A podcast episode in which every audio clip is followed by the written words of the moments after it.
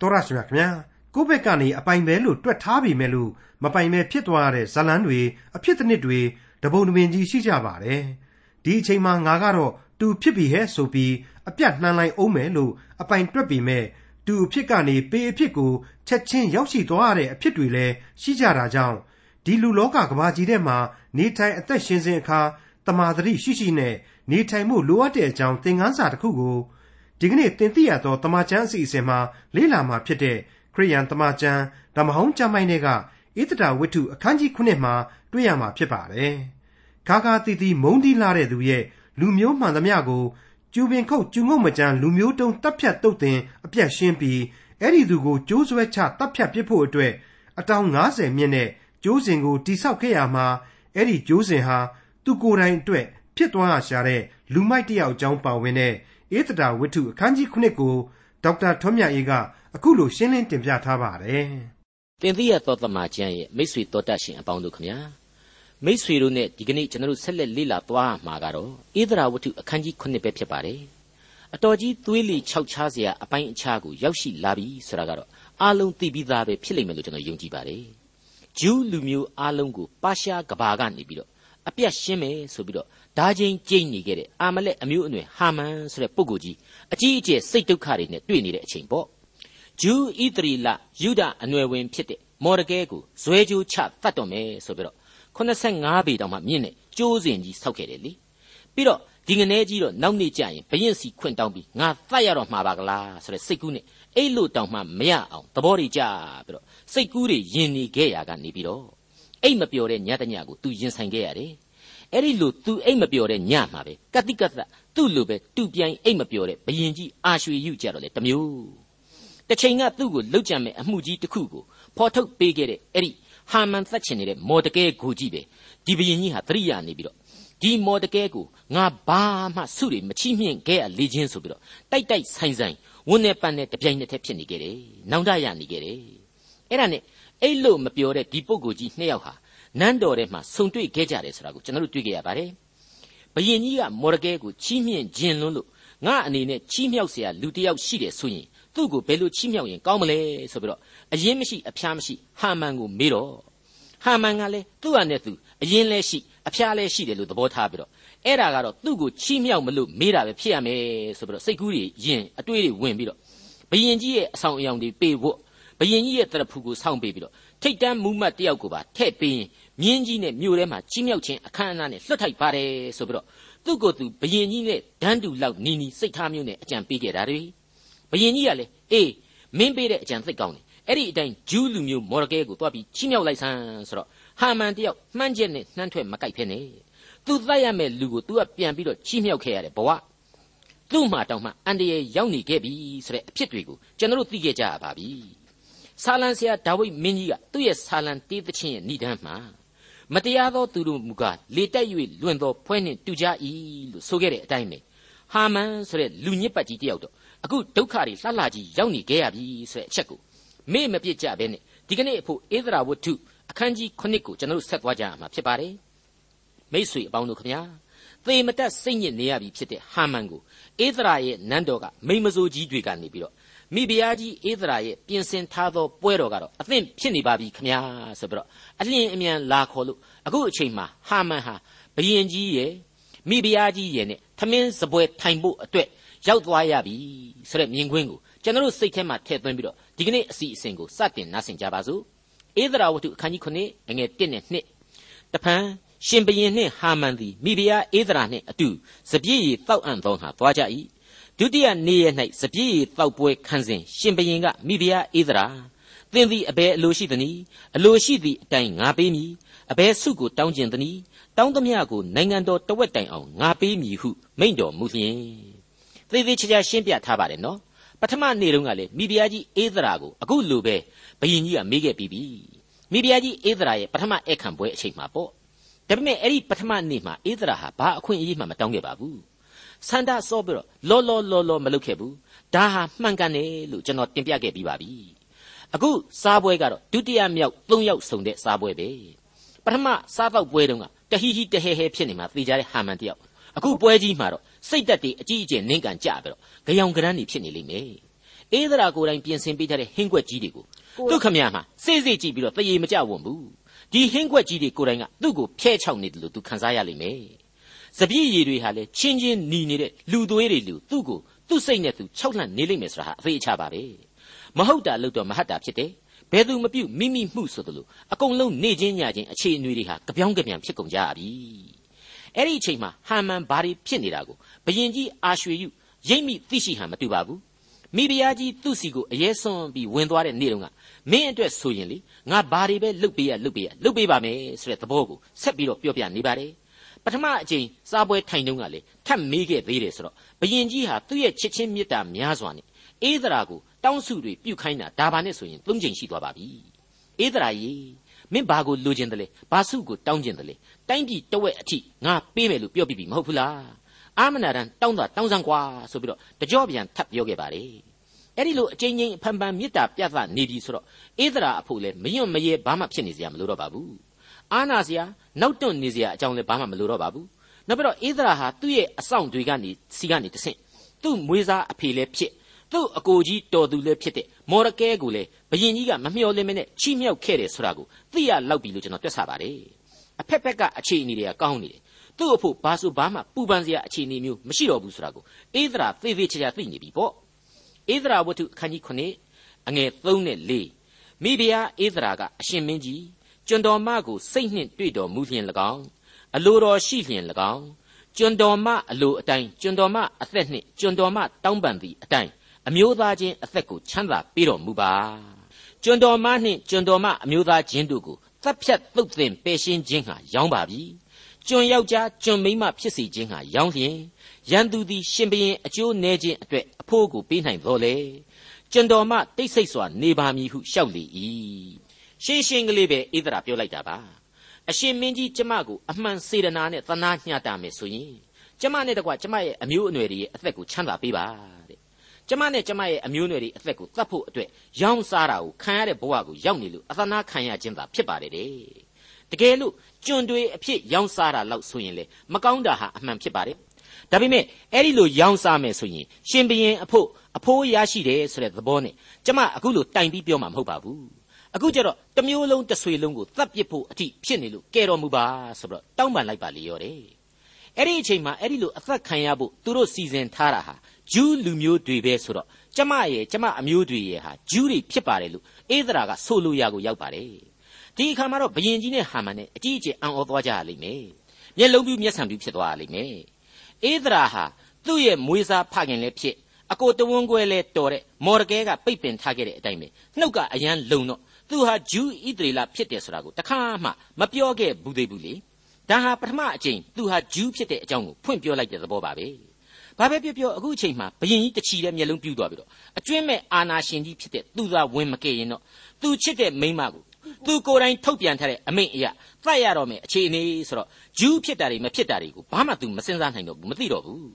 သူချစ်တဲ့ဣသရာရဲ့စကားတွေကသာသူ့နှလုံးသားကိုထွန်းဖောက်သွားတယ်တစ်ချိန်တည်းမှာ ငโกကလေးကအားပြတ်ပြီးတော့သေမတက်စိတ်ညစ်နေတဲ့ဟာမန်ချွေးတွေပြက်ပြက်ပြက်ပြက်ကြပြီးတော့ခြေမကင်မိလက်မကင်မိဖြစ်ပြီဆိုတာတော့အသေးချပဲ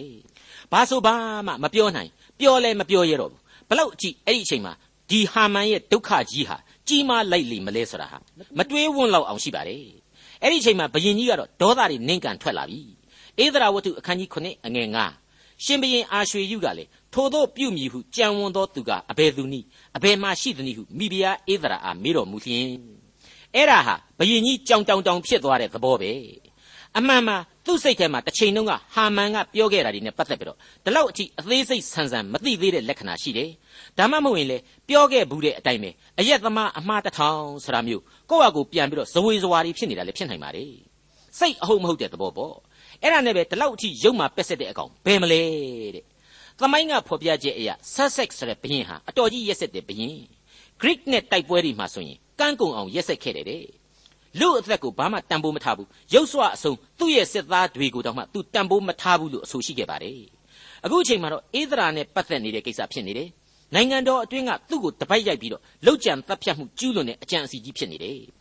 သူ့ကိုရေရေရာရာတိုင်ပင်တာမဟုတ်ဖ ೇನೆ ဂရုံးမော်ထိတ်ကွက်ပြီးတော့ဥပဒေကိုပြုတ်ခိုင်းထားတဲ့သဘောမျိုးဆိုတာသူတွေးမိလာတယ် ဒါတော့ तू ဘယ်လို့မှသီးမခံနိုင်ဘူးငါ့ကိုပြောစမ်းဒီလိုမင်းနဲ့မင်းအမျိုးတွေကိုကြံစီနေသူဟာဘယ်သူလဲတဲ့ဒီအချိန်မှာဟာမန်တယောက်ကတော့သတိလစ်မတက်ဖြစ်နေလို့မနေ့ကိုဖာသာကိုပြန်ပြီးတော့ထိတ်နေရပြီပေါ့မျက်လုံးကြီးစုံမိတ်ပြီးတော့ခေါင်းကြီးငုံထားရလိမ့်မယ်မှတ်မိသမျှနဲ့ကြားဘူးနာဝရှိသမျှသောဂါထာတွေကိုစိတ်ထဲကနေတဖုတ်ဖုတ်ရွတ်ဆိုပြီးတော့ဖုတ်လိုက်ဖုတ်လိုက်နဲ့ဖြစ်နေမှာအသေးချပဲအဲ့ဒီအခါမှာတော့မိဖုရားဧဒရာဟာအခုလိုရဲရဲကြီးအဖြေပြုတ်လိုက်ပါတော့တယ်ဧဒရာဝတ္ထုအခန်းကြီး9ငွေ6 ဧဒရာကရံပဲ့ပြုသောရန်သူသည်ဤဆိုးညစ်သောဟာမန်ဖြစ်ပါ၏ဟုလျှောက်တော်ဟာမန်သည်ရှင်ဘုရင်နှင့်မိဖုရားရှိမှကြောက်ရွံ့ခြင်းသို့ရောက်လေ၏အကျယ်တဝင့်ရှင်းနေစရာမလိုတော့ပါဘူးဟာမန်အခြေအနေဟာမျက်စိတမိတ်လျှက်တစ်ပြက်အတွင်းမှာအေးဒရာလက်ညှိုးတဲ့တဲ့အောက်ကလူမျိုးတော်လုတ်ကြံရေးသမားရန်သူကြီးဖြစ်သွားရပြီကြောက်ရွံ့ခြင်းတို့ရောက်လေ၏ဆိုတာနှုတ်ကပတ်တော်ကမဖော်ပြခင်ကလေးကလေကျွန်တော်တို့သေသေးချာသဘောပေါက်နိုင်ပါ रे မိတ်ဆွေပေါင်းတို့ခမညာ မောရှိခေအာယုန်ခေတို့မှာဘုရားသခင်ဟာသူရွေးကောက်တော်မူခဲ့တဲ့ဣသရေလလူမျိုးတော်အတွက်ဗြိဉ္ဉ်ပြုခဲ့တဲ့အချက်တွေအများကြီးရှိခဲ့ပါ रे အဲ့ဒီထဲမှာတရားဟောရာကျမ်းအခန်းကြီး28မှာအငယ်62ကနေ68အတွင်ပြန်ဖတ်လိုက်ရင်သူ့ကိုမေ့လျော့ကြောခိုင်းနေတဲ့လူမျိုးတော်အပေါ်မှာဘယ်လိုအပြစ်ဒဏ်တွေနဲ့စီရင်မယ်ဆိုတာကိုကျွန်တော်တို့ကောင်းကောင်းကြီးတွေ့နိုင်ပါတယ်။အဲ့ဒီအထက်ကအငယ်64အတိုင်းဆိုရင် ဣသရေလလူမျိုးတော်ဟာမြေကြီးစွန်းတစ်ဖက်မှပြီးတစ်ဖက်တိုင်အောင်လူမျိုးအပေါင်းတို့တွင်အရရက်သို့ကွဲပြားနေရလို့အခုဆိုရင်အမိမြေနဲ့အလွန်ဝေးကွာလှမ်းနဲ့ပါရှားလို့ခေါ်တဲ့ပေရသိမှာရောက်ရှိနေရတယ်။ပါရှားနိုင်ငံတော်အောက်ကအနေနဲ့အထိလေဆက်လက်ပြန့်လွင့်ကုန်ကြရတယ်ဆိုတာကိုကျွန်တော်တို့စံစာအရာထင်ထင်ရှားရှားသိခဲ့ရပါပြီဒါဟာအပြစ်တရားနဲ့အညီအံ့ဩဖွယ်အပြစ်ဒဏ်ကိုစီရင်ခြင်းဘက်ကနေမြင်ရခြင်းဖြစ်ပါတယ်သုံးသပ်နိုင်ခြင်းဖြစ်ပါတယ် ဒါပေမဲ့အတိတ်ကာလမှာပြန်ကြည့်ရင်အပြစ်အတွက်ပေးဆက်ရတဲ့ဒုက္ခကာလတွေကြားထဲမှာပဲဘုရားသခင်ဟာပြုစုစောင့်ရှောက်ခဲ့ပြန်တယ်ဆိုတာကိုကျွန်တော်တို့ဟာရှင်းရှင်းလင်းလင်းတွေ့ရမှာဖြစ်တယ်လို့အခုအပိုင်းမှာဆိုရင်ဘုရားသခင်ဟာအပြစ်များတဲ့လူမျိုးတော်ကိုအပြစ်တွေကြားထဲမှာပဲကောင်းကြီးမင်္ဂလာများစွာနဲ့ပြန်လဲရစ်ပတ်နေပြီဆိုတာကိုတွေ့ရပြန်ပါပြီ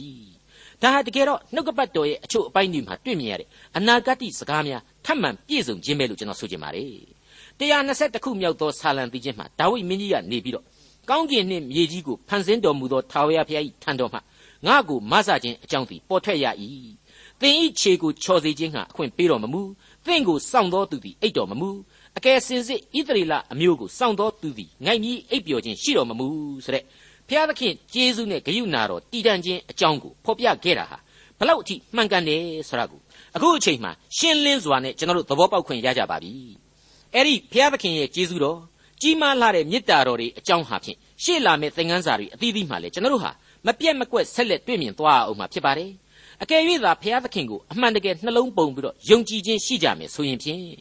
အဲ့ဒီအတိုင်းလူအပြစ်သဘာဝလောကရန်အတွင်သက်ဆင်းနေရသူအပြစ်သားကျွန်တော်တို့အားလုံးဟာကျေးဇူးတော်များနဲ့သူ့ရဲ့ပြုစုစောင့်ရှောက်ခြင်းဆိုတာကိုအသက်တာတစ်လျှောက်လုံးကိုယ်တိုင်ကိုကြခန်းစားကြရမယ်အားလုံးသိနာလေထိတွေ့ကြရလိမ့်မယ်လို့ကျွန်တော်တင်ပြလိုက်ပါရစေ ဧဒရာဝတ္ထုအခန်းကြီး9အငယ်9ထိုအခါရှင်ဘရင်သည်အမျက်ထွက်သဖြင့်စပြည့်တောက်ပွဲမှထ၍ဥယျင်တော်သို့သွားတော်မူ၏အပြစ်ပေးတော်မူမည်ဟုဟာမန်သည်ရိပ်မိ၍အသက်ချမ်းသာရာရမည်အကြောင်းမိဖုရားဧဒရာရှိမှတောင်းပန်ခြင်းဟာထ၏အာရွှေယုဘယင်ကြီးဟာအကြီးအကျယ်အမျက်ထွက်တဲ့အချိန်ချက်ချင်းထပြီးဥယျင်တော်အတွင်းကိုစောင်းဆောင်စောင်းဆောင်နဲ့ထွက်သွားတယ်သူ့ဒေါသကိုသူပြန်ပြီးတော့ငြိမ်အောင်လုပ်တဲ့သဘောဖြစ်နိုင်တယ်လို့ ဘာလို့ရဘာကန်ရမှန်းရုတ်တရက်မတွေးတတ်တာနဲ့ပဲခေါင်းအေးထားစဉ်းစားဖို့ထွက်သွားတာလည်းဖြစ်နိုင်ပါတယ်အဖြစ်နိုင်ဆုံးကတော့ပြီးခဲ့တဲ့အချိန်တွေတုန်းကဟာမန်ကနေပြီးတော့သူ့ကိုဒီလူမျိုးတော်နဲ့ရန်တိုက်ပေးခဲ့တာတွေရဲ့အကြောင်းကိုဂဂနနပြန်စဉ်းစားမိလာတာနဲ့အများဒါဟာသူ့ကိုမလိမ့်တပတ်လှုပ်ပြီးတော့ဟာမန်ဟာအာနာကိုအလွယ်သုံးခဲ့တာပဲဆိုတာကိုစဉ်းစားမိလို့အန်တကြိတ်ကြိတ်နဲ့ငါကတော့သူ့အပေါ်မှာတလောက်တောင်ချီးမြှောက်ခဲ့တာငါမျက်နှာကိုမှမထောက်ဘူး ကျေးဇူးကနဲ့ဒီကောက်မျက်နှာငါမကြည့်ချင်ဘူးဆိုတာမျိုးကောက်ခံငင်ကထွက်ခွာသွားတာလည်းဖြစ်နိုင်ပါလေတစ်ချိန်တည်းမှာမင်းညကအိတ်မပြောတဲ့အချိန်မှာမော်ရကဲကိုချီးမြှောက်ခြင်းလို့ငါဘာလုပ်ရင်ကောင်းမလဲလို့မေးတော့ကသူ့ကိုချီးမြှောက်မယ်အောက်မေ့ပြီးတော့တရဖူတောင်ဆောင်းခိုင်းတာမင်းမြောက်တစားတွေဆင်ပေးဖို့ပြောတာလက်ရွေးစင်အမတ်တပားကိုပါထည့်ပေးပြီးတော့ဘရင်မြင်းတော်ပေါ်မှာတင်းမြို့ထဲမှာလိုက်ပြီးတော့ချီးမြှောက်ဖို့အကြံပေးတာတွေကအစဒါတွေဟာမတော်မတဲ့လုပ်ရက်တွေအဖြစ်ပြန်ပြီးတော့သူတွေးဆမိလာတာလေအများကြီးဖြစ်နိုင်ပါတယ် ကျွန်တော်ပြောခဲ့တဲ့အတိုင်းပဲပေါ့အလွန်သေးငယ်တဲ့အရာကလေးတစ်ခုဟာဖျားသခင်ပြုပြင်မှုအပြင်သိပ်ပြီးကြီးထွားသွားပြီမဟုတ်ဘူးလားအနည်းဆုံး15သန်းလောက်ရှိမယ်လို့ခန့်မှန်းထားရတယ်လူမျိုးတော်ဣတရီလကိုမျိုးဖြုတ်ပစ်ဖို့အထိမြေကြီးပေါ်ကပျောက်ကွယ်သွားဖို့အထိကြံစီမှုကြီးတစ်ခုကိုအိတ်မပျော်တဲ့ညတညကဘရင်တစ်ပါးရဲ့ဖြစ်ရအပေါ်မှာမူတည်ပြီးတော့အံ့ဩပွေသောစီရင်တော်မူကြီးဖြစ်အောင်လို့ဖျားသခင်ပြုပြင်ဖန်တီးလိုက်ပြီဆိုတာရှင်းနေပါပြီအဲ့ဒီအချိန်မှာတော့သမိုင်းမှာကြောက်စရာအကောင်းဆုံးအဆင့်ဖြစ်မဲ့ အေယာမလူသတ်မှုစီမံကိန်းကြီးကိုဝုန်းဝန်းစားစားကြံစီခဲ့တဲ့ဟာမန်တယောက်ကတော့လေတက်၍လွင့်သောဖွဲကဲ့သို့ဖြစ်ရပြီကိုခံရတော့မယ်ဆိုတာလည်းသိရောအိန္ဒိယမစင်နိုင်တော့ဘူးမိဖုရားကြီးအေးသရာရှိပြေးပြီးတော့ခြေထောက်ဖက်တောင်းပန်တဲ့အဆင့်လက်တွေတောင်မှရောင်ရမ်းဆွဲလှုပ်ပြီးတော့သူ့အသက်ချမ်းသာရာချမ်းသာကြောင်းတွတ်တွတ်အသနာခံမိတဲ့အဆင့်အထိဖြစ်ကုန်တယ်အဲ့ဒီအချိန်မှာသူ့ဘဝဟာစိတ်တစဝေဒနာတွေတယောက်နဲ့ဘာမှမထူးနိုင်တော့ပါဘူးကပောက်တိကပောက်ချာတွေပြောမိမယ်ပြုတ်မှုမိမယ် ရုပ်ပြက်ဆင်းပြက်နဲ့တောင်းပန်တိုးရှိုးပြီးတော့အသနာခံတာတွေဖြစ်ခဲ့လိမ့်မယ်အဲ့ဒီမှာနေနောက်ထပ်ပြဿနာကထပ်တက်ပြီဧဒရာဝတ္ထုအခန်းကြီး9အငယ်8ရှင်ဘရင်သည်ဥယျင်တော်မှစပြည့်ရည်တောက်ပွဲခံရအရတ်သို့ဝင်ပြန်သောအခါဧဒရာထိုင်သောတလွန်နားမှဟာမန်သည်ပျောက်ဝက်လျက်နေသည်ကိုမြင်လျင်ဤသူသည်နန်းတော်၌ငါရှိမှမိဖုရားကိုအတ္တမပြုရမည်လောဟုမိန့်တော်မူစဉ်တွင်အချံအယံတို့သည်ဟာမန်၏မျက်နှာကိုဖုံးကြ၏ ဘယင်ကြီးအာရွှေယူဟာစိတ်ထဲမှာဘယ်လိုဆုံးဖြတ်ပြီးပြန်လာတယ်ဆိုတာကိုကျွန်တော်အတိအကျမသိနိုင်ပါဘူးသူချီးမြှင့်မြောက်စားခဲ့တဲ့လူတစ်ယောက်အနေနဲ့ယာရုချယုံလောက်အချုပ်ထဲဆွဲထဲယုံလောက်ပဲလုပ်မယ်ဆိုတဲ့အတွေးအခေါ်မျိုးလဲရှိကောင်းရှိနိုင်ပါလိမ့်မယ်ဘာပဲပြောပြောဥယျင်တော်ကနေအေးသရာစီလဲပြန်ရောက်ကြရောအယူမီဝိုင်းဖြစ်နေတဲ့ဟာမန်တယောက်မိဖုရားကြီးကိုအတင်းတိုးဖွေပြီးတောင်းပန်နေတာလက်ဆွဲပြီးအသနာခန္ဓာတွေကိုတွေ့ရတဲ့အချိန်ကြည်စမ်းကြည်စမ်းအတော်စော်ကားတဲ့လူယုံမှာ ငါမျက်စိရှိမှတယ်ငါမိမကိုအတင်းအဓမ္မတွေလုံနေပါကလားဆိုတော့စိတ်ထဲမှာဖြစ်သွားတယ်ပြီးတော့စိတ်ထဲမှာဖြစ်သွားတာကိုလေပါဇက်ကအသံထွက်တဲ့အထိပျော့ချပလိုက်တယ်အဲ့ဒီလိုသူကပါဇက်ကပျော့ချလိုက်တဲ့စကလုံးတွေထဲမှာဟာမန်ကိုဖမ်းဖို့စီးဖို့မပါတယ်လို့သတ်ဖို့လည်းမပါပါဘူးထောင်ချဖို့ဆိုတာလည်းထည့်မပြောပါဘူးသူမြင်တာကိုမြင်တဲ့အတိုင်းပြောယုံမျှတာသူပြောလိုက်ခြင်းဖြစ်ပါတယ်ဒါပေမဲ့သူ့ရဲ့အာဏာဟာဘလောက်ပြင်းထန်တုံးတစ်ချိန်လုံးပတ်ဝန်းကျင်မှာသတိအနေထားနဲ့စောင့်နေတဲ့အချမ်းအယံတွေတက်တော်ဆောင်တွေ ချက်ဆိုငကွက်ကချက်ချင်းမိတောက်ဆိုးတယ်လို့ပဲဘရင်စကားဆုံးတာနဲ့ဟာမန့်စီပြေးသွားပြီးတော့မျက်နာကြီးကိုဖုံးပစ်လိုက်ကြပါလေရောတယ်ပြီးတော့အထူးသတိထားရမယ်နောက်ထပ်အချက်တစ်ချက်ကတော့အေးသရာကိုယ်တိုင်ဟာလေဘာမှအော်ဟစ်ပြီးတော့အကူအညီမတောင်းခံခဲ့ပါဘူးအမိန်လည်းမပေးနိုင်ခဲ့ပါဘူးအေးသရာဟာကြောက်လန့်စိုးရိမ်ပုံရတယ်စပြည့်ရည်အနံ့တွေထွက်နေတဲ့ပါဇက်ကြီးနဲ့သူ့ကိုခြေတော့ဖက်လိုက်လက်ဆွဲလိုက်လှုပ်ပြီးတော့အယူကြီးလိုတွတ်တွတ်မြည်အောင်အမျိုးမျိုးပြောနေတဲ့လူရန်ကားကြီးဟန်မှန်ကြောင့်အသက်အောင်ပြီးတဲ့နေရဟန်တူပါတယ် အခုဘယင်ကြီးကတစ်ချက်ဝင်ပြောလိုက်တော့မှအဆောင်တွေတက်တော်ဆောင်တွေကဝိုင်းလာပြီးတော့ခေါင်းကိုအဝတ်နဲ့ဆွတ်ပြီးတော့ဆွဲထုတ်သွားတာကိုသာသူဟာကြောင်တောင်တောင်နဲ့ငေးကြည့်နေရမှာဧကအမှန်ပါပဲဧဒရာဝတ္ထုအခန်းကြီး9အငယ်6နဲ့10အဆုံးအထိမိမစိုးဟာဘောနာကလည်းအရှင်မင်းကြီးအကျိုးတော်ကိုစောင့်၍ရှောက်ထားသောမော်ဒကဲအဖို့ဟာမန်လှုပ်၍အတောင်90မြင့်သောလေဆွဲချတိုင်သည်ဟာမန်အိမ်၌စိုက်ထားလျက်ရှိပါ၏ဟုနားတော်လျှောက်တော် ထိုတိုင်၌လေဆွဲချစေဟုရှင်ဘုရင်မိန့်တော်မူ၏ထိုသောမော်ဒကဲအဖို့လှုပ်သောလေဆွဲချတိုင်၌ဟာမန်ကိုဆွဲချကြ၏ရှင်ဘုရင်လည်းစိတ်ပြေတော်မူ၏ဖြစ်ပုံတွေကတော့ပြောပဲမပြောကျင်တော့ဘူးဟာမန်ကိုအဆောင်စစ်သားတွေကဆွဲထုတ်ပြီးတော့ဖမ်းချုပ်ထားတဲ့အချိန်မှာပဲမိမစိုးကြီးဟာဘောနာဆိုတာပေါ်လာတယ်အဲ့ဒီဟာဘောနာဟာဟာမန်ရဲ့အိမ်တဲကိုလည်းအဝင်အထွက်ရှိတယ်သူရှိခဲ့လိမ့်မယ်လို့ခန့်မှန်းရပါတယ် ဒါမှမဟုတ်ရင်လေဟာမန်အတိုင်းအဝိုင်းကထွက်လာတဲ့သတင်းပလင်အတင်းအဖြစ်တွေကိုကြားထားပြီးသားလည်းဖြစ်နိုင်ပါတယ်တခါတည်းဘယင်ကြီးရှေ့မှာဒူးထောက်ပြီးတော့တိုင်မာလေရောတယ်ဘယင်ကြီးဘယင်ကြီးဝန်ကြီးချုပ်ဟာမန်ဟာဘယင်ကြီးရဲ့အသက်ကိုကယ်တင်ခဲ့တဲ့အသက်သခင်ကျေးဇူးရှင်မော်ဒကဲကိုတတ်ဖို့ဆိုပြီးတော့အတောင်90တောင်မြင့်တဲ့ကျိုးစင်ကြီးကိုသူ့အိမ်တော်ဝင်းထဲမှာစိုက်ထားပါတယ်အရှင်မင်းကြီးတဲ့။ကဲသူများကိုတတ်ချင်ဖြတ်ချင်လို့လက်ရနေခဲ့တဲ့ဟာမန်အခုအကြီးအကျယ်ဒုက္ခဆိုင်ပြီ။ အာရွှေယူအဖို့ဘာမှတောင်နောက်ထပ်ရှေရှေဝေးဝေးစဉ်းစားနေစရာမလိုတော့ဘူး။အကျယ်ကျုပ်ချဖို့တို့တရားယုံပို့ဖို့တို့ထောင်တန်းတက်တက်ကျွန်းတို့ဆိုတာဒီဘာမှအပိုတွေးနေဖို့မလိုတော့ဘူး။သူများလည်းတိုင်ပင်နေစရာမလိုတော့ဘူး။အောင်မယ်ဒီကောင်ကဒီလိုတွေတောင်ပြင်ဆင်ထားတာကိုဒါဆိုအဲ့ဒီကျိုးစင်ကြီးဒီအတိုင်းထားလို့ရှိရင်ဒီအတိုင်းပဲဖြစ်နေဦးမယ်သူ့ပဲအဲ့ဒီမှာအစားတင်လိုက်တဲ့အချိန်တစ်ချက်မှမဆိုင်မနဲ့ဟောဟောတိုင်းတိုင်းအဲ့ဒီလိုအမိန့်ချပြစ်လိုက်တယ်မိษွေအပေါင်းတို့ စိတ်ညစ်စရာမြင်ကွင်းတွေကတော့တစ်ခုပြီးတစ်ခုအဆက်မပြတ်ဘူးလို့ကျွန်တော်ဆိုချင်ပါတယ်ဟာမန်တယောက်သူကိုယ်တိုင်တိဆောက်ခဲ့တဲ့ကျိုးစင်မှာသူ့ဖာသာသူတက်သွားရပြီအဲ့ဒါဟာတနေ့နဲ့တညအတွင်းအံ့ဩဖွယ်သောပြောင်းလဲခြင်းပဲသူ့ကိုအဲ့ဒီနောက်ဆုံးစားပွဲတောက်ပွဲကြီးကိုလာဖို့ဆိုပြီးတော့ဧဒရနန်းတော်ကအဆောင်တွေလာခေါ်တော့ကကျမ်းစာကဖော်ပြခဲ့တာလေးကိုမိတ်ဆွေတို့မှတ်မိကြသေးတယ်မဟုတ်ဘူးလားအခန်းကြီး6ရဲ့နောက်ဆုံးစာကြောင်းကလေးပါဟာမန်ကိုအလျင်အမြန်ခေါ်သွားလေ၏တဲ့ဟုတ်တယ် ဖျားသခင်ပြုပြင်လေသမျှသောအရာတို့ဟာအလွန်အချိန်ကြာခြင်းကြာမယ်မြန်ခြင်းရင်လည်းမြန်မယ်ဘယ်ကွန်ပျူတာနည်းနဲ့မှသုံးပြီးတော့ဘယ်ပညာရှိကမှကြိုတင်တွက်ဆလို့ရနိုင်တယ်ဆိုတာမရှိဘူးလျက်စီးလက်တယ်လို့ပဲလူဘဝဟာပြောင်းလဲခြင်းအမျိုးမျိုးနဲ့ရင်ဆိုင်ရတတ်တယ်ကိုဟာအသက်လန်းရဲ့အပြက်လန်းရဲ့လန်းနဲ့သွယ်တီးရှိနေတဲ့လူဘဝမှာကြိုးတန်းလျှောက်နေရတဲ့ဘဝဆိုတဲ့အသည့်နဲ့ဘယ်လန်းကိုအလျင်အမြန်ရွေးကြမှာလဲရွေးသင့်တယ်လေဒါဟာကျွန်တော်တို့အစဉ်တစိုက်တွေးဆရမယ့်အချက်ဖြစ်ပါတယ် လူဘဝအသက်တာမှာအရေးအကြီးဆုံးသောအချက်လို့ကျွန်တော်လေးနဲ့စွာတင်ပြခြင်းပါတယ်ဟာမန်ရဲ့ဖြစ်ရတဲ့နဲ့ပတ်သက်ပြီးတော့ကျွန်တော်တို့ဟာမကြာခဏကြားနေကြဖြစ်တဲ့တမန်တော်ကြီးရှင်ပေါလုရဲ့အဆုံးအမတစ်ခုကိုပြန်ပြီးတော့တွေးဆကြရပါမယ်ဂလာတိဩဝါဒစာအခန်းကြီး6အငယ်9ကဖော်ပြခဲ့တဲ့အချက်ပဲပေါ့အလွဲမယူကြနှင့်ဖျားသခင်သည်မထီမဲ့မြင်ပြုခြင်းကိုခံတော်မမူလူသည်မျိုးစေ့ကျဲသည့်အတိုင်းအသီးအနှံကိုရိပ်ရလိမ့်မည်မိမိဇာတိပဂရိ၌မျိုးစေ့ကျဲသောသူသည် ဇာတိပဂရိအားဖြင့်ပုတ်ပြက်ခြင်းအသီးအနှံကိုရိပ်ရလိမ့်မည်ဆိုတဲ့အဆုံးအမဘလောက်ကောင်းလေအဲ့ဒီလိုကိုစိုက်ခဲ့တဲ့အတိုင်းရိပ်ရခြင်းဆိုတဲ့တစ္ဆာတရားကိုပြောဆိုတင်ပြခဲ့သူတမန်တော်ကြီးရှင်ပေါလုကိုယ်တိုင်ဟာသူပြောတဲ့တစ္ဆာတရားနဲ့ညှိစွန်းခဲ့တယ်မလွတ်ခဲ့ဘူးစိုက်သည့်အတိုင်းရိပ်ခဲ့ရတယ်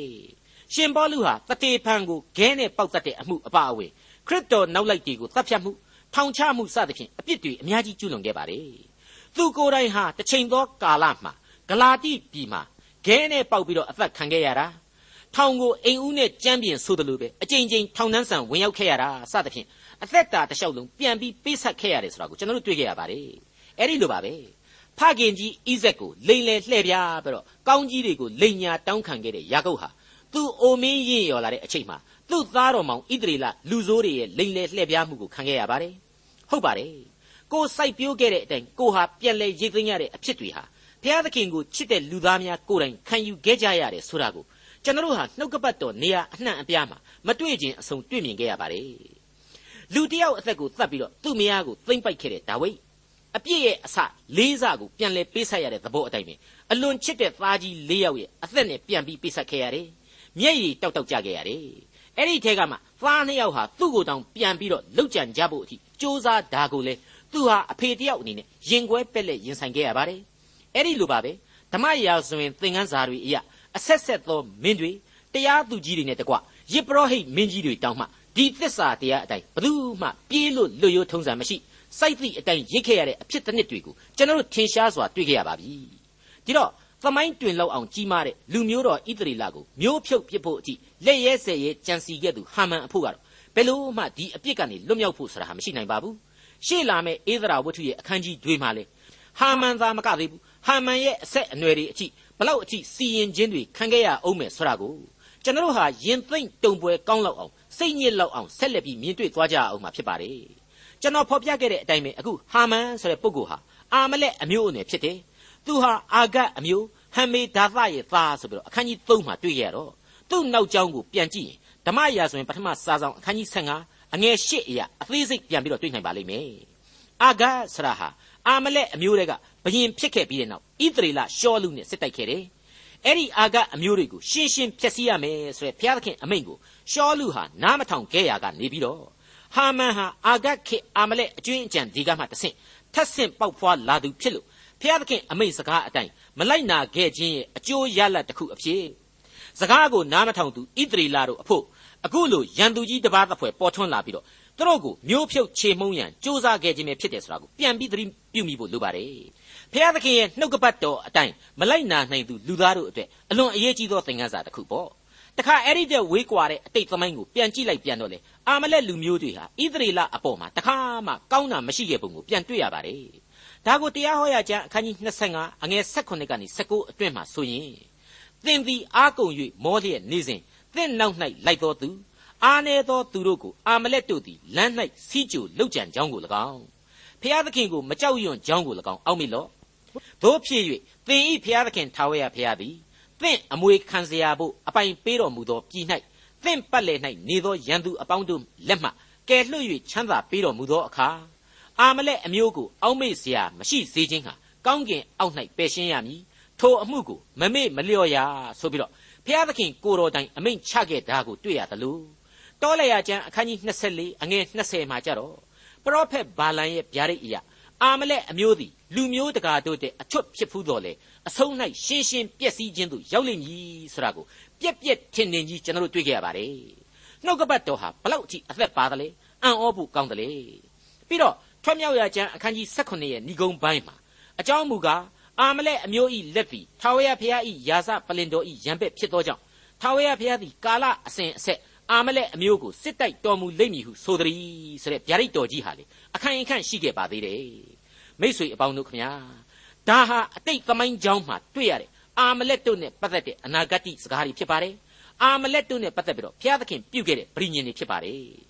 ဒီအချက်တွေအားလုံးဟာအာမလက်လူမျိုးဟာမန်အဖြစ်ဆိုးတွေကိုအလွန်ခိုင်ခံ့တဲ့နှုတ်ကပတ်တော်ကနေ ကြိုတင်မိမောင်းထိုးခဲ့ပြီးဖြစ်တာကြောင့်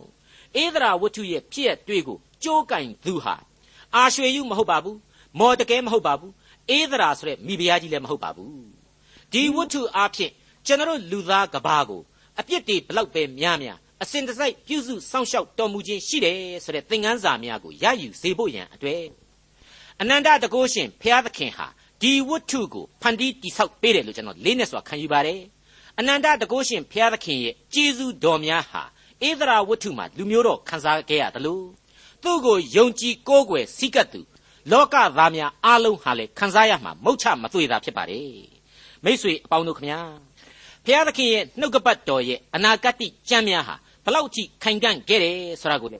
အာမလက်လူမျိုးဟာမန်ရဲ့အဖြစ်ဆိုးတွေအဖြစ်ကျွန်တော်တို့ဟာလေးနဲ့စွာသင်ခန်းစာယူဖို့လိုပါတယ်အချုပ်အားဖြင့်ကတော့ အခုလိုဝိညာဉ်ရေးခွန်အားများကိုအပြည့်အဝရရှိနိုင်တဲ့ဧဒရာဝတ္ထုရဲ့ဖြစ်ရတွေ့ကိုအတိကကြိုးကင်နေသူဟာအနန္တတကုရှင်ဘုရားသခင်မှတပါအခြားမရှိလို့ကျွန်တော်ဖွင့်ဆိုလိုက်ပါရစေဒေါက်တာထွန်းမြတ်ရေးစီစဉ်တင်ဆက်တဲ့တင်ပြတော်တမချန်းအစီအစဉ်ဖြစ်ပါတယ်နောက်တစ်ချိန်အစီအစဉ်မှာခရိယန်တမချန်းဓမ္မဟောင်းကျမ်းပိုင်းတွေကဣသရာဝတ္ထုအခန်းကြီး၈အခန်းငယ်၁ကနေအခန်းငယ်30အထိကိုလေ့လာမှာဖြစ်တဲ့အတွက်စောင့်မျှော်နားဆင်နိုင်ပါတယ်။